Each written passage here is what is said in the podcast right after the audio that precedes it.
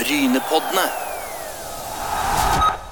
Da håper jeg virkelig at du nyter siste rest av ferien, for nå har vi kommet til torsdag eh, 27.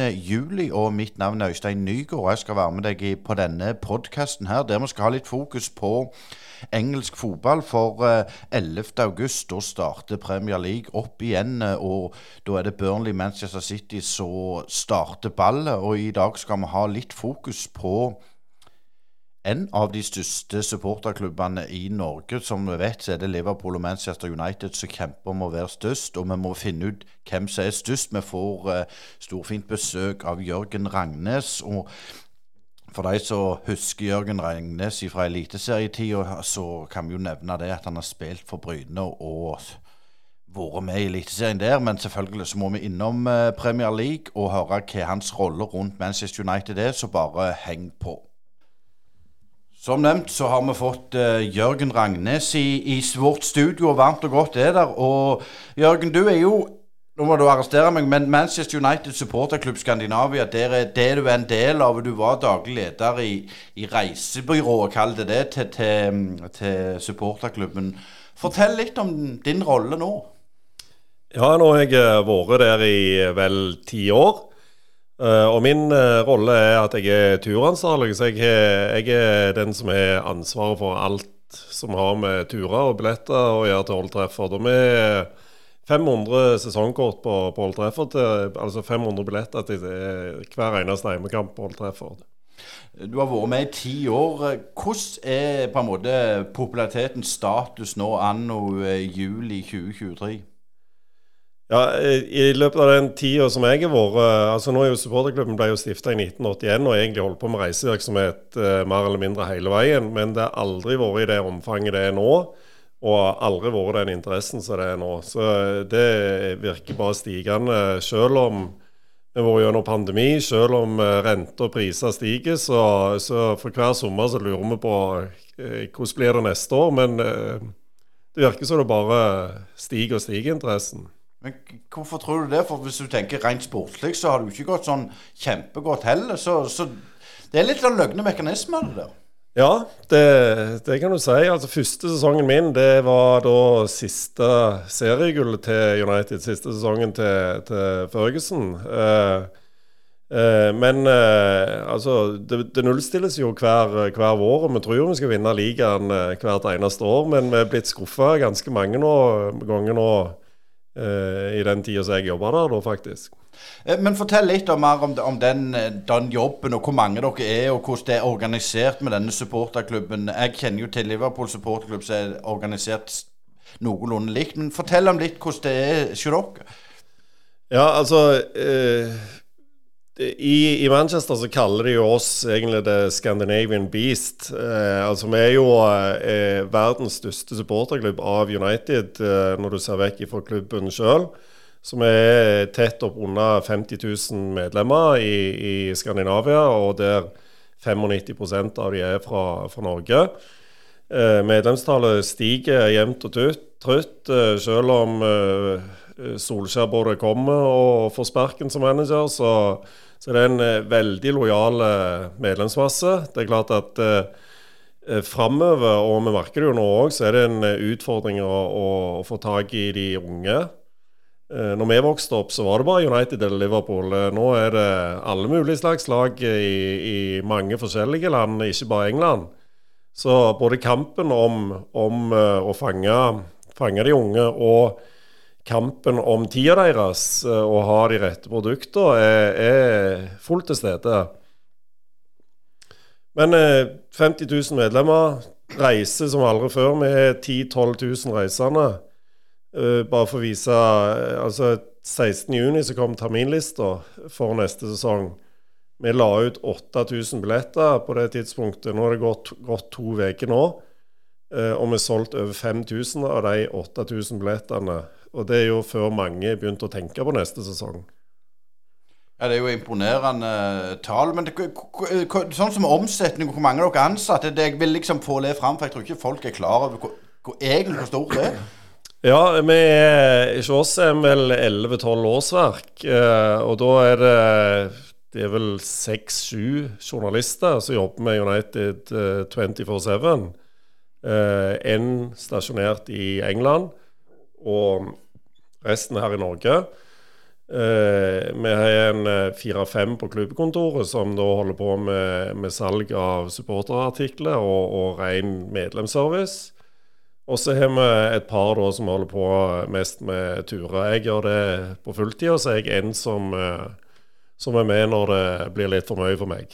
Men du er jo i Rogaland, og er resten av staff òg her i, rundt ørene, eller? Nei, supporterklubben vår eh, ble jo stifta på gutterom uh, oppe i Bergen i 1981 til en uh, av de som fremdeles er med og jobber. Så der er administrasjonen, mens hovedtyngden av journalistene sitter på Østlandet. Så det er bare jeg som holder på her og pusler for meg sjøl. Eh, du har jo en fantastisk fotballkarriere sjøl bak deg. Den skal vi komme litt tilbake til. Men, men eh, nå, skal jo Manchester United spille mot Wolverhampton eh, første serierunde. Og dere har lagd et opplegg, selger billetter som aldri før. Men din interesse, Jørgen, for, for engelsk fotball, særlig United, når begynte den? Ja, det, den begynte uh, i uh, Det første kampen jeg husker United, det er jo FA-cupfinalen i 79. Arsenal uh, slo United 3-2, men det var, det var United jeg landa på. Og husker en far til noen kamerater i gata som var sjømann, som tok med United-drakt hjem. Du venta i tre-fire måneder mens han var på sjøen for, å, for, at han endelig skulle komme hjem med det, det store med det United-trøya, da. Så jeg har holdt med United siden da, altså seint på 70-tallet. Da var jeg jo seks-sju år. Eh, og så var jeg veldig ivrig i ungdomstida. Så spilte jeg jo sjøl eh, som når jeg ble seniorspiller. Da, da var jo alt fokuset på, på, egen karriere. Og når jeg slutta, da, så, så kom jeg inn i supporterklubben igjen da, og, og fikk det etter hvert som jobben. Men hva er det som er så spesielt? Ja, det kan du si. Altså, fotball, altså Interessen for fotball ligger jo i bånn uansett. Men du har fått, eh, fått, det inn med morsmelka, egentlig. og, og eh, det er alt ifra på en måte det å, å glede seg til kamp, det å eh, være på kamp, altså stemningen, eh, samtaleemnet, det er glede, sorger, oppturer, nedturer. Det er på en måte alle årstider og alle følelsene inn i, i 90 minutter, kan det være. Du har vært på Old Trafford 150 eh, ganger Ikke. Er det noen spesielle opplevelser som du liksom tenker på den dag dette var fantastisk å oppleve? Har du vært med i Europa? Fortell litt om din, din karriere som, som fans. Det, eh, det, er jo noen minner som peker seg ut. Jeg har vært på eh, altså Det var jo mitt første besøk på Old Trafford i 83. altså Da var jeg 11 år. og Da var vi bare innom stadion på ferie. Det var jo overveldende den gangen. I 87 var jeg på min første kamp som 15-åring. Slo Liverpool 1-0. Eh, Skåret to minutter på overtid. Hadde jo ikke vært på en kamp med sikkert mer enn et par tusen 5000-6000 tilskuere. Før, før, det så kommer du der med 60 000. Så, så det er klart at det, det er du blir, eh, du blir tatt med storm, egentlig. Og så er det enkeltkamper som, som står seg ut, og så, så mer har spesielle øyeblikk, spesielle skåringer. Eh, vært på et par eh, FA-cupfinaler senest nå eh, i vår. Det var jo gildt i tolv sekunder. Men eh, ja. Men det er alt før og alt etter som òg er viktig, da.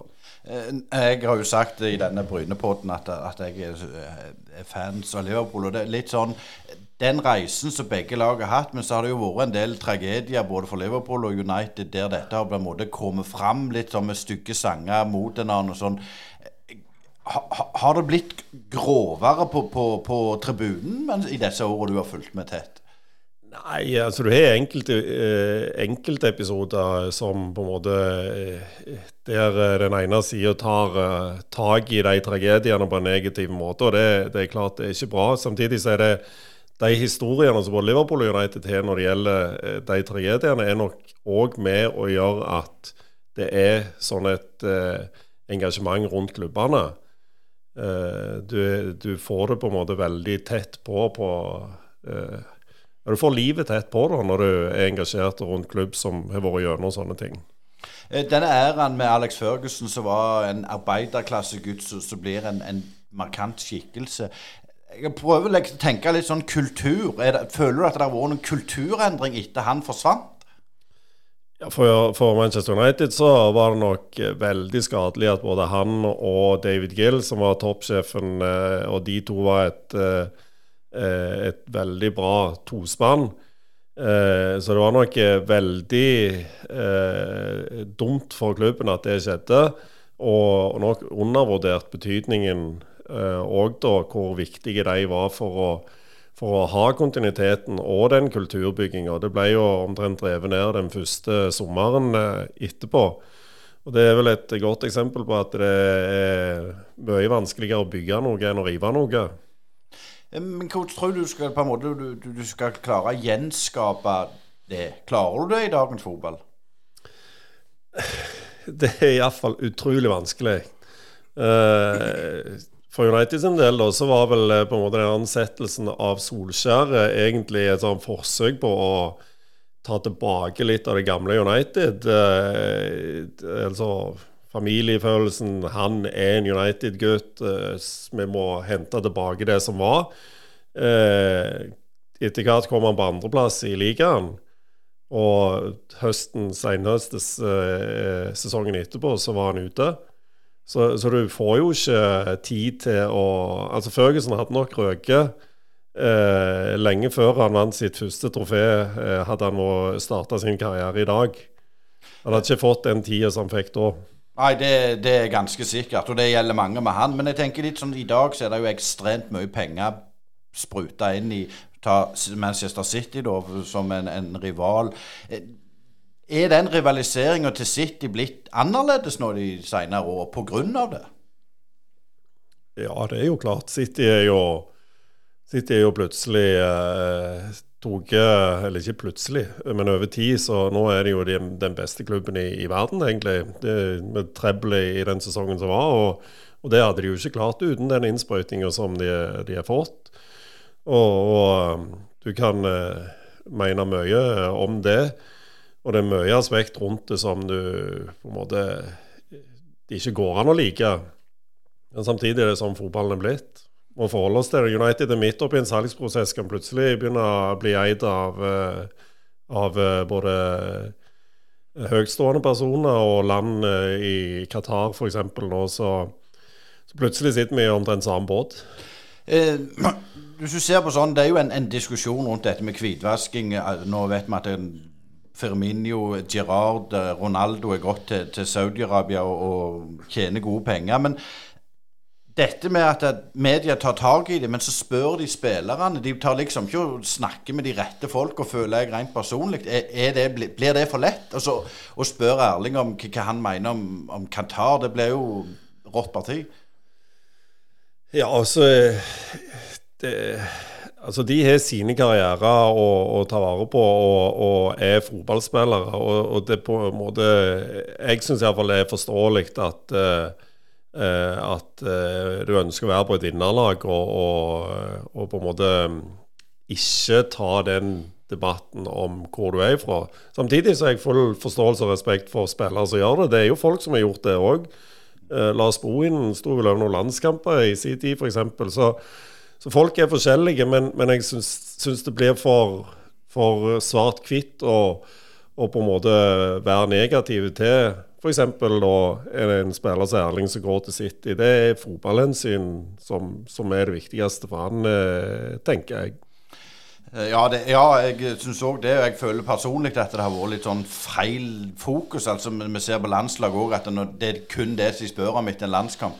Altså, men får du mye spørsmål om det som, som som med i Manchester United supporterklubb Skandinavia? At, at det er det, der er en del diskusjoner i, eh, si, blant våre medlemmer og innad i eh, organisasjonen òg. Noen syns at det blir vanskelig å fortsette å være United-fan hvis vi skal få qatarske eiere. Andre tar det som en del av, av utviklinga og er på en måte det United du følger uansett hvem som eier laget. Eh, det, og det vi opplever når vi er både i Norge og England, er jo at det, det virker som det er mer etisk og moralsk spørsmål rundt eierskapet i United her i Norge enn det er i England. Eh, der virker de mer åpne for å kunne ta imot eiere fra Qatar. Kanskje er det fordi at de vet at da kan du etter hvert ta opp kampen med City igjen, da f.eks. Ja, for snu på det, da. altså De bruker jo penger og spytter inn milliarder. Og, og, og det øker jo produktet. Det blir kjekkere å gå på kamp. Eh, eh lokalitetene, akademi og alt blir jo bedre. Sportslig iallfall, ja. Ja, Og så spørs det om du skal stoppe diskusjonen der eller ikke. ja, den tror jeg den kommer til å gå i det uendelige. Men, men så er det jo det at er det noen klubber Hvis du ser på Arsenal, Liverpool, eh, City, United bruker milliarder, er, er, de så mye bedre, da? Nei, bedre enn hvem, tenker du? Altså Eller de som har blitt i søkelyset. Det er vel PSG og City som har fått Ja, ja det kan du si. Ja. Nei, det er vel eh, eh, Når du bruker de summene, så er du jo en del av karusellen uansett. Eh, men, men, du har jo dette her med menneskerettigheter og sånne ting som, som, er vel det store ankepunktet. Det er vel ikke det at det brukes penger, det er vel mer eh, at peng, hvor pengene kommer fra, hvilket regime det, de kommer fra, da, som er, er, spørsmålet. Det er jo en viktig debatt å ta, og det, det er sunt at den blir, blir lufta fram. Men, men, litt framover til denne sesongen. Eh, når, når, denne blir, podden blir uh, spilt inn, så ser vi at uh, Mount har kommet, og sikkert flere, og Leeds har vært på, på Ullevål og spilt mot United, og, og, regner med du har vært der. Men, men sånn um, Er det kun quickfix som betyr noe? At du må hente milliardspillere for å vinne noe igjen? Er det, eller sånn som du snakket om, at Førgesen hadde jo aldri fått den tida i dag?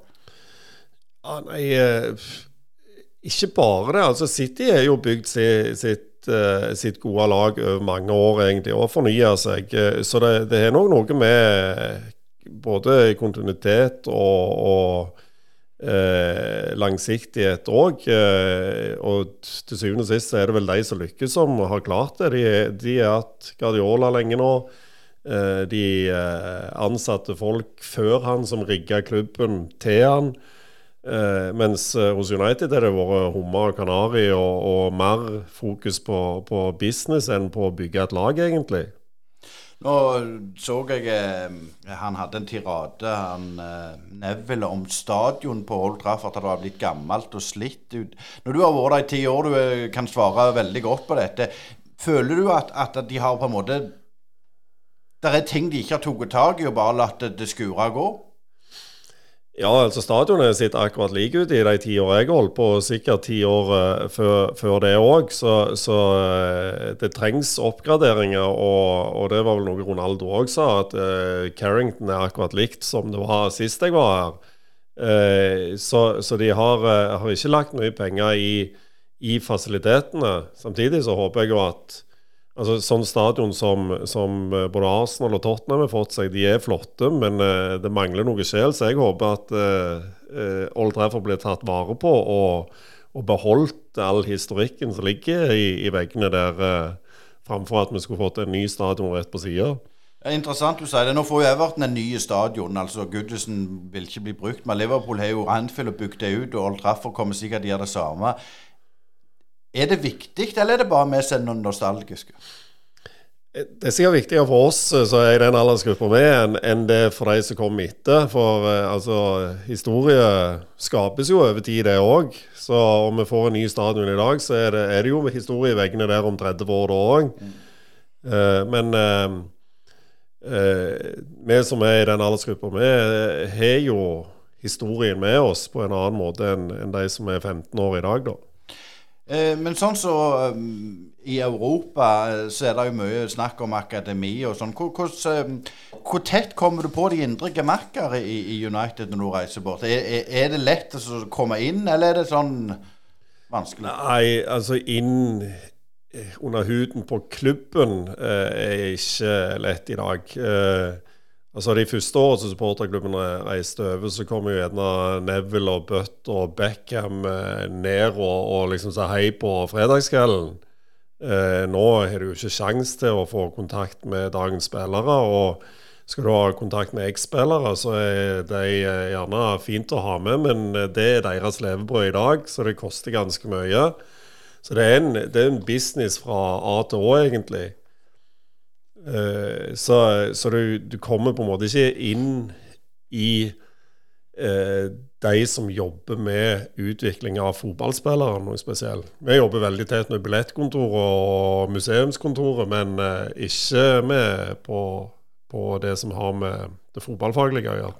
Nei, for Det har jo endra seg litt tilbake til noen årlegg om den Liverpool-greiene. Men der var det jo òg lettere. Du kunne komme inn og så, så på uh, aldersbestemte lag trener, som det er jo helt slutt på nå. Men, men, det er klart det er jo blitt big, big, big, business, og det er en helt annen måte på en måte det blir drevet på. Men sånn så, hvordan er det du oppfatter å samarbeide med dem? Har det endret seg, eller er det Ikke på de tid vi har et veldig godt samarbeid med de avdelingene i United som vi jobber med. og Det er fantastisk fine folk og, og er på tilbudssida.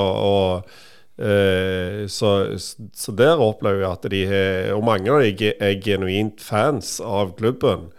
Eh, så, så, da er vi både eh, gode prater og, og, godt forhold og, og, sånn i forhold til hva vi skal ha. Men bare for å eksemplifisere hvor stor greia uh, United er, da. Vi, hver dag, i, alle dager utenom kampdag, så har de opptil 50 mann på omvisning hvert tiende minutt. Fra klokka ni til klokka fem. Og alle de ender opp i Megastore. Eh, så det er jo Du kan jo bare gange ut dette for å se hvor mange som både betaler 300-400 kroner for å å gå rundt inne på stadion og ende opp i Megastore der de bruker en tusenlapp og to til. Uh, så det er jo big business fra A til Å. Det er jo ekstremt. Ja, det er det. Eh, men sånn, det, det, der med, med, Dette med akademi og unge spillere Der òg er det jo mye snakk om nå hvordan de gjør det rundt forbi Europa. Hva, hva mener du om det? Du, vi skal litt innom din karriere snart. men er, er er det greit at vi har akademi fra de er sju-åtte år? Eh, greit? Eh, nei, eh, jeg, jeg, vil jo si at det, du, du, trenger ikke ha det for, for, å skape de gode spillerne. Jeg så jo bare på Mason uh, Mount når han hadde vært i Chelsea siden han var seks år, eller noe sånt. Og, og når du hører det, så tenker jeg iallfall jeg intuitivt at uh, du, du kanskje har hatt uh, en barndom og en ungdomstid som, som de fleste andre. Du, du har blitt uh, frarøvet mye, selv om du nå i dag er United-spiller. Så jeg tror ikke det er bare bra å ha det. Uh, men det å uh, beholde leken i det og, og ha på en måte en god struktur på hvordan du skal jobbe med unge spillere, det har jeg tro på. Men du var litt innom det som er en utfordring for alle, det å få de unge til å bli fan og følge med. Hva, hva tror du er Er det noe quick fix der, eller er det bare hardt arbeid? Til å få de til å bli fan? Mm. Altså, i, dag, I dag så følger jo spillere i langt Nei, spillere, sier jeg. Uh, unger i dag følger i langt større grad spillere enn lag. Uh, så når uh, en spiller eh, skifter klubb, så, så hopper, hopper, de unge etter. Eh, her lokalt så er det jo enkelt å se det på, på Erling sin karriere. Altså, vi har jo fulgt han eh, fra ute i Europa, da, fra Salzburg til Dortmund og Dortmund til, til City. Og, og Bryne supporter, nei, Bryne fotballklubb selger jo de draktene som Erling spiller i, og, og sikkert slutter å selge dem igjen når han, mm. når han skifter klubb. Så, så, det er jo et stjerneeksempel på at vi følger spillere framfor klubb. I vår tid så, så, så var det ikke så mange spillerbytter, og vi fulgte klubb og har blitt med klubb egentlig hele veien. Eh, vi må prøve å komme inn på Hvor gode blir United i år, tror du?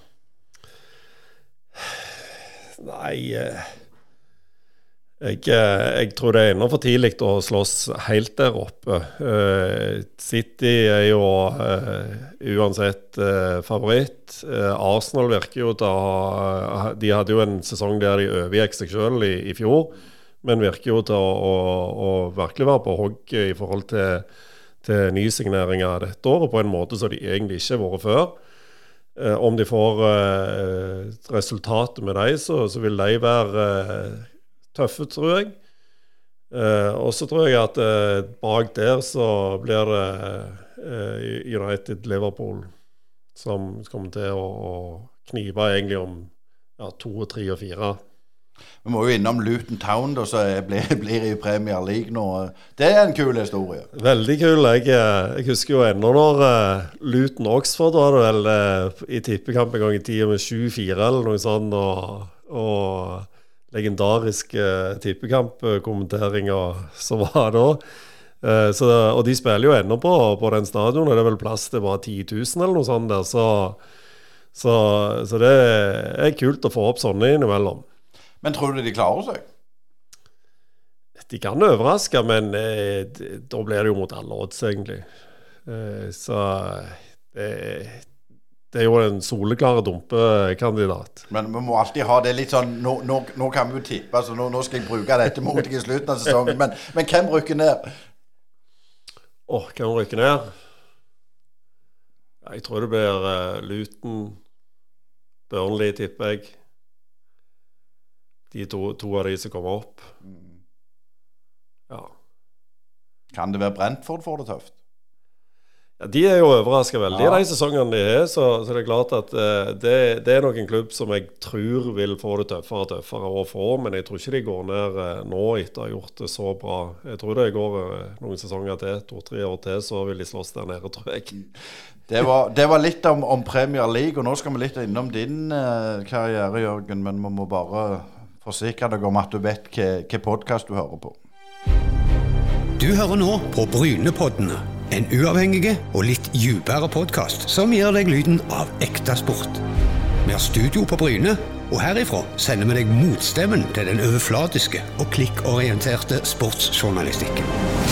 Gå inn og se i vår nettbutikk på Bryne Paddene med dobbel a, punktum, og følg oss i sosiale medier.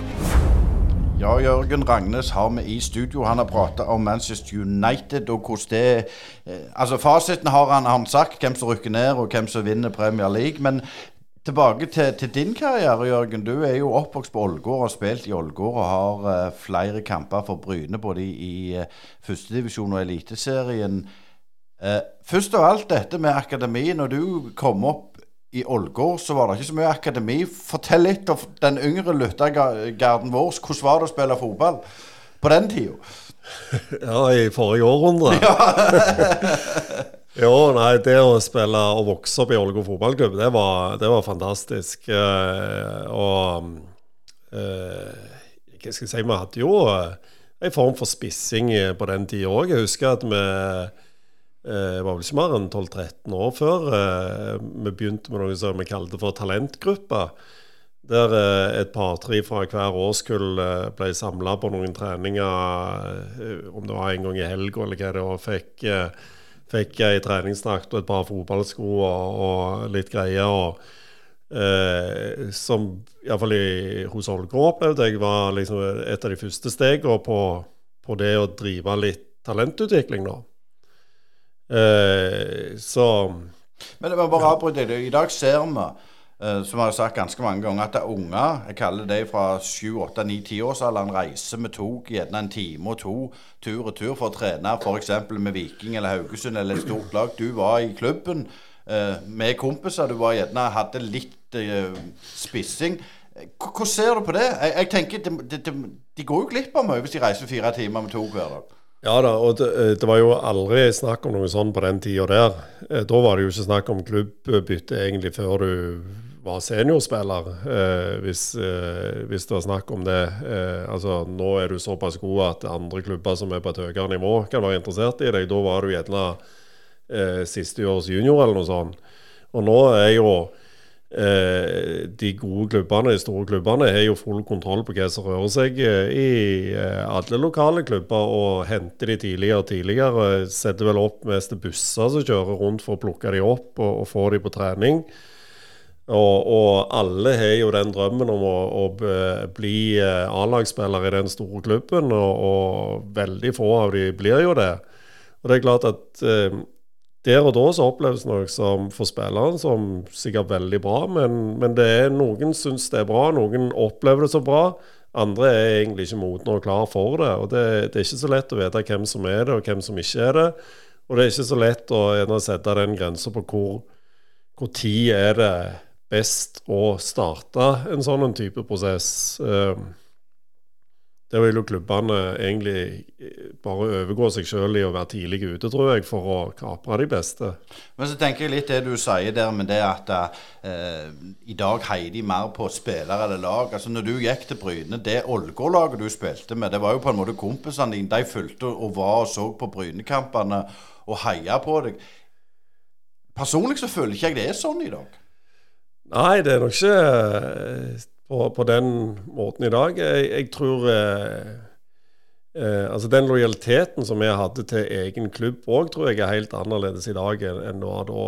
Vi, vi verna jo om vår egen klubb eh, som, som, på en måte vår egen familie, på en måte. Ja, For du hadde aldri gått til Klepp, f.eks.? Altså, Bryne var jo toppklubb i Ja, ja. Det, Klepp hadde jo aldri vært aktuelt. Det eneste var, som var aktuelt, var å gå til noe som var på en måte eh, kunne ta deg sjøl til et annet nivå. Og Sånn er det nok for mange i dag òg, men i dag så, så, er det ikke den samme tilhørigheten, tror jeg, blant de unge til, til sin lokale klubb som, som, var på vår tid. Men tror, uh, men tror, du du hadde treves i et akademi og, og blitt dyrka som fotballspiller? Hadde du blitt så god? Og Det syns jeg alltid er et sånn interessant tankeeksperiment. For egen del så tror jeg at det hadde passet meg.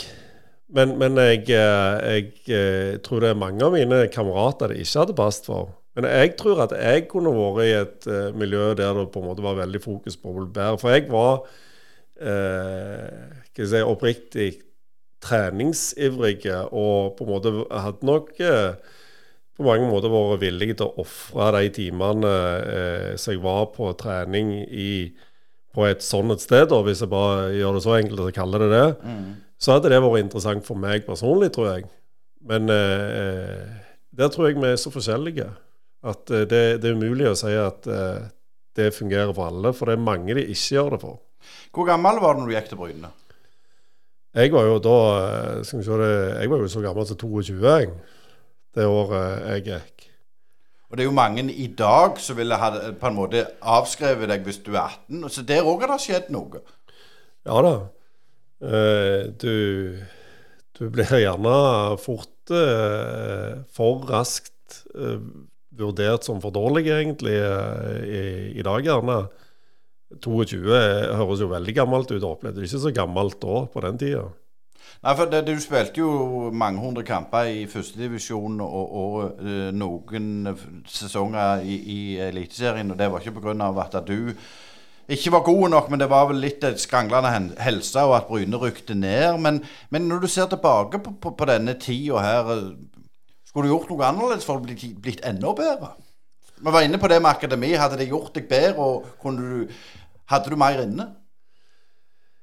Ja, det tror jeg. At jeg, eh, at vært visst det jeg vet i dag om trening og, og prioriteringer, og, og eh, hva, ikke minst hva jeg skulle trent på for å bli bedre, så tror jeg jeg hadde blitt bedre. Altså, det ser du jo.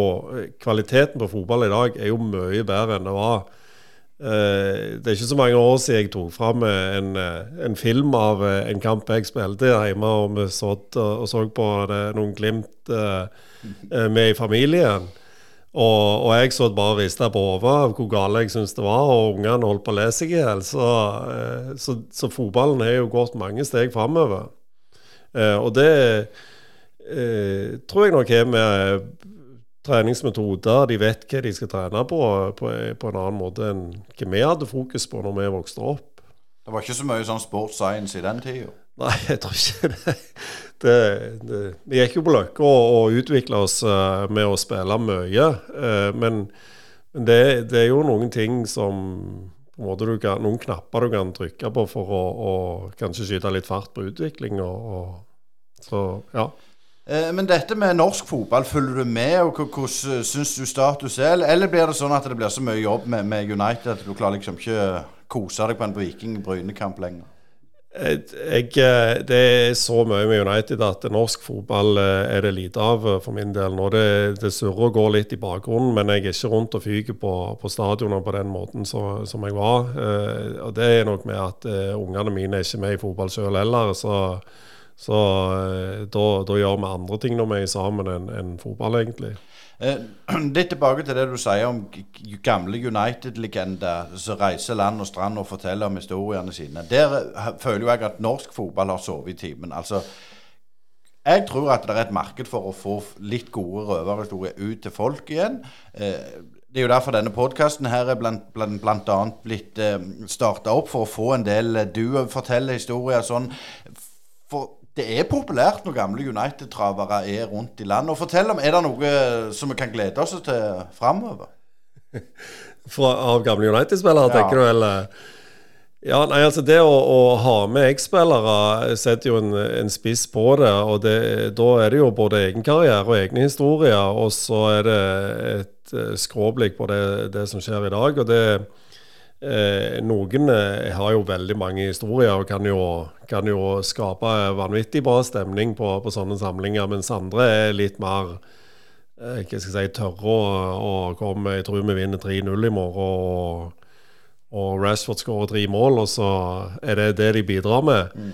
Uh, men uh, det i, i, England så opplever jeg nok at uh, når det gjelder den type marked, som du sier, så, så er den generasjonen som, som spilte på tidlig 2000-tallet, er nok det siste som er aktuelle for den type oppdrag. For de som kommer etterpå, de er tjent så vanvittig mye. Eh, at, eh, at, eh, de er ikke med på sånne ting. Mens de som spilte før det, de melker karrieren sin og, og på en måte lar seg ikke opp nok penger til at de kan leve på det. Så de kommer og er med på sånne type event. Tjener sin månedslønn på et par timer der. Mm. Eh, mens spillere for seint 2000, og de, de, trenger på en måte ikke det. Og ikke, så, er ikke interessert i å bruke tida på den måten. Ja, Godt poeng. Eh, men vi har jo ikke nevnt hvor tid du spilte. Altså, du, du spilte jo i 2001. Var, var, og, og, og, var det da du la opp? Nå, det husker jeg faktisk ikke. Jo, 2001 var siste, siste jeg var med på. Så cupfinalen Jeg spilte ikke cupfinalen. Jeg hadde gitt meg tidligere på høsten uh, pga. skade, men cupfinalen var det siste på en måte jeg var med på i, i Bryne. Men hvordan var det det når du, du må gi deg pga. helse og av skader? Sånn jeg tenker på det vi snakker om etter, etter, karrieren, så kan du få en psykisk knekk. At det er ikke det trøkket lenger. Hvordan var det for deg? Jeg, det var eh, Altså, jeg måtte jo gi meg før jeg hadde lyst. Eh, og, og eh, jeg var jo ikke mer enn 29 når jeg eh, ga meg. Eh, og, og, det var faktisk da eh, jeg første gang jeg kun skulle være fotballspiller. Jeg hadde jobba med sida av hele veien, så egentlig så var det da jeg skulle se hvor, om jeg hadde et siste steg inne. Mm. Så endte det med at jeg måtte gi meg.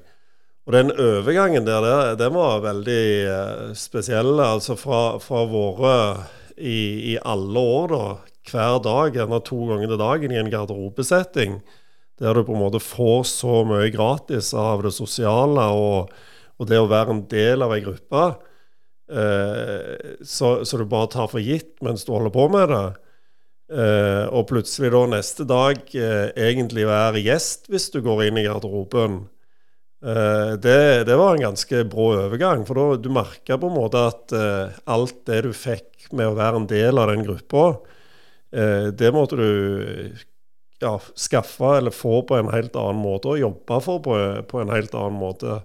Så det, det, var en eh, veldig bra overgang, må jeg si, å gå ifra å være det, det, er liksom så Jeg tror ikke folk som ikke har vært i en garderobe For det, en, altså, du er med, eller ja. er du ikke med. Ja, ja. Nei, det, det var veldig tydelig, det. Eh, ikke nødvendigvis på de folk rundt eh, f.eks. i Bryne for min del, da, men egen opplevelse av det. At eh, her er du med den ene dagen, og neste dag så er du ikke en del av det fellesskapet. Men, men hva, hva, hva, gjorde du etterpå? Du hadde sivil jobb, men var det noe, tenkte du å bli trener, eller, eh, hva, hva, hva sveiv i, i unge Ragnes sitt hode da? Ja, da, da, eh, På den tida så, eh, så, trodde jeg at jeg skulle jobbe med et lag egentlig framover. Og være en del av fotballen på den måten. Og det var jeg jo til å begynne med òg. Men det, fikk familie, unger, så, som tar tida di. Og, og, det ble litt sånn for min del da at du har levde et helt liv av å bruke hver ettermiddag, hver kveld, hver helg på å være fotballspiller. Så når du på en måte eh, gir deg, så, så eh, blir det litt andre prioriteringer, egentlig. Så, så kommer inn i bildet naturlig etter hvert så du skaffer deg familie. da, Iallfall for meg ble det det. Men eh, sånne dumme spørsmål, savner du den tida? Ja, jeg skulle gitt mye for å ha gjort det igjen. ja, det, Ja, det, det var en fantastisk tid. Altså, det å Jeg syns jo i dag jeg har en fantastisk jobb som får lov å på en måte holde på med det jeg er interessert i. Så, så litt sammenlignbart med fotballkarrieren er det sånn sett. Men det å, å, få være en spiller og ha fått lov å, å på en måte prøvd hvor langt du kan nå, og det å ha fått lov å ha det som, eh, som jobb til og med noen få år, det er eh, utrolig kjekt. Og, og det, det er jo Da får du både pose og sekk egentlig når du holder på. Men det er mange som har diskutert dette ofte i, i Brynepodden her, at det, er mange som gir seg når de er 14-15-16 år, for de finner ut at nei, jeg kommer ikke til å spille på United, eh, jeg gir meg med fotball. Og det, det frafallet der er jo litt altså litt er veldig alarmerende, for, for det Du har spilt på et høyt nivå, jeg har spilt på et lågt nivå, det er klart, men garderobekulturen er jo lik. Altså, Ja, ja, ja. Den, den, den skole som er helt øh, Ja, ja. Det, det, det som du sier, det er en skole, og det er en eh, verdi som, eh, som på en måte går langt utover det å, å lykkes som fotballspiller, hvis du tenker å lykkes som fotballspiller og spille på et høyt nivå. Det er en verdi som, eh, som ikke kan måle seg i, i noen ting. Altså, så så hold ut, vær en del av et lokal og et sosialt eh, s, eh, gruppe som det der, så lenge du egentlig kan, eh, er utgangspunktet som, eh, som jeg tenker der. Men ditt sånn filosofisk spørsmål på, på tampen her. Hvorfor tror du at det er så mange som gjør seg? Nei, jeg tror du litt er inne på det når, når du sier at det blir en sånn At uh, enten jeg, jeg har ikke det som skal til, eller jeg, uh, jeg klarer ikke å gi det som skal til for, for å på en måte få, få full valuta ut av det. Eh, og så slåss fotballen med tida på med alt annet som er av interesse. Alt ifra mobilen til, til andre aktiviteter. Eh, altså På vår tid så var det andre aktiviteter da òg, men allikevel så føler jeg ikke det var det mangfoldet av tilbud som, som de unge er i dag. Nei, altså nå, var jo ikke, nå er jo ikke Ålgård for de som er utdannet til Ålgård. Og andreplasser i Norges land så er Ålgård vel eh, Hvor mange kilometer er det fra, fra Sandnes noen, hvis jeg sier ti? For Sandnes, ja 10-15 er det vel. Ja, det, det er på bygda, og det, det var det fotballen og liksom bedehuset som var, var tingen når dere eh, For seg si meg, du er litt eldre enn meg, men, men i dag er det så mye tilbud. Men allikevel så er det flere i dag av ungdommer som er ensomme og ikke har kompiser, og de sitter gjerne og gamer i en kjeller. Det, altså det, det, det syns jeg er så vanskelig å forstå, for det er jo, det er jo ekstremt mye mer tilbud.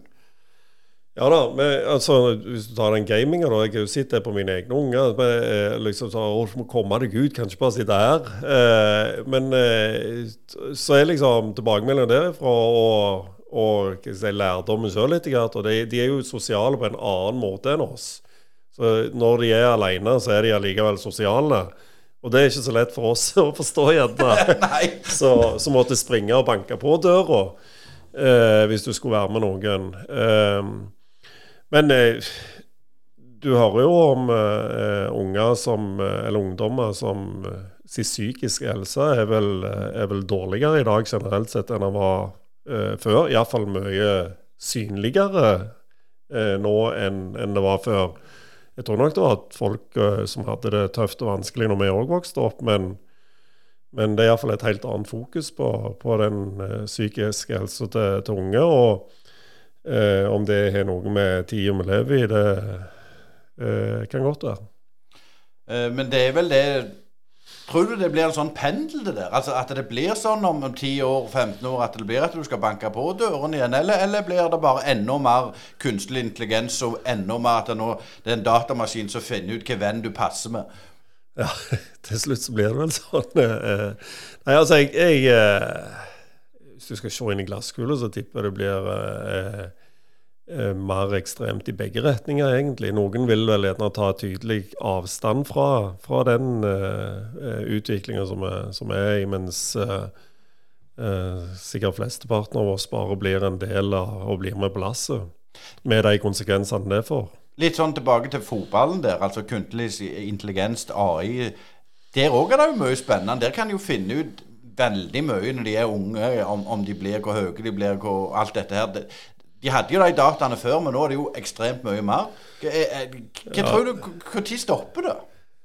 Ja, Eh, vi, vi tror, tror, jo at det skulle ha stoppet for lenge siden, men eh, det viser seg jo at det, det virker jo ikke til å være noen grenser på, på akkurat de tingene. Og til slutt så, så, så, blir det jo omtrent roboter, og det perfekte du må skape og prøve, eh, så, og alt annet er ikke godt nok. Og det, det er en farlig utvikling. Men for å si det sånn, Manchester United blir vel ikke perfekte i inneværende sesong, og jeg tror jeg tror meg og deg skal fighte ganske godt i, i, den kommende sesongen. Det skal bli gøy når det endelig kommer i gang. Ja, ja, ja. Det, du skal ikke ha mange dagene uten, uh, uten Premier League før du, før du, du begynner å krible igjen. Litt sånn uh, avslutningsvis. Det, det, det, dette pengejaget, det, det, det dyre altså Vi så Viasat må, må på, på, på, en måte si opp folk, for, for de, de, klarer ikke å få inn så mye. Har vi kommet til et metningspunkt? For mange så tror jeg du, du har det. Uh, så, men noen detter fra, og andre kommer til eh, i det der. og eh, Vi vil jo underholde oss, vi vil jo være en del av å eh, følge med. så, så men det er klart at når det, når det koster 1000 kroner i måneden eh, vel etter hvert å se fotball på, på fjernsyn, så, så, begynner det å bli ganske heftig. Og ikke bare når det er én eh, aktør som du må forholde deg til. Det er jo En aktør har den ene turneringa, en annen den andre turneringa. Så, mm. så det, det, det, er ganske heftig. Det er ganske heftig, og uh, for all del, Brynepoddene det hører du helt gratis. og vi blir glade for litt uh, støtte med på, på Vipps nummer så jeg tyder om. Det er 610828. 610828. Vi setter pris på litt støtte, for det går til Litt utstyr og litt eh, abonnement hist og her, men uh, uansett, det var utrolig stas å ha Jørgen Rangnes på besøk. Og vi skal følge med både United og, og Jørgen. Han får uh, gi oss litt oppdateringer framover. Og neste torsdag er vi klare med en ny Brynepod. Og tusen takk for følget så langt, og ha fortsatt god sommer. Brynepoddene.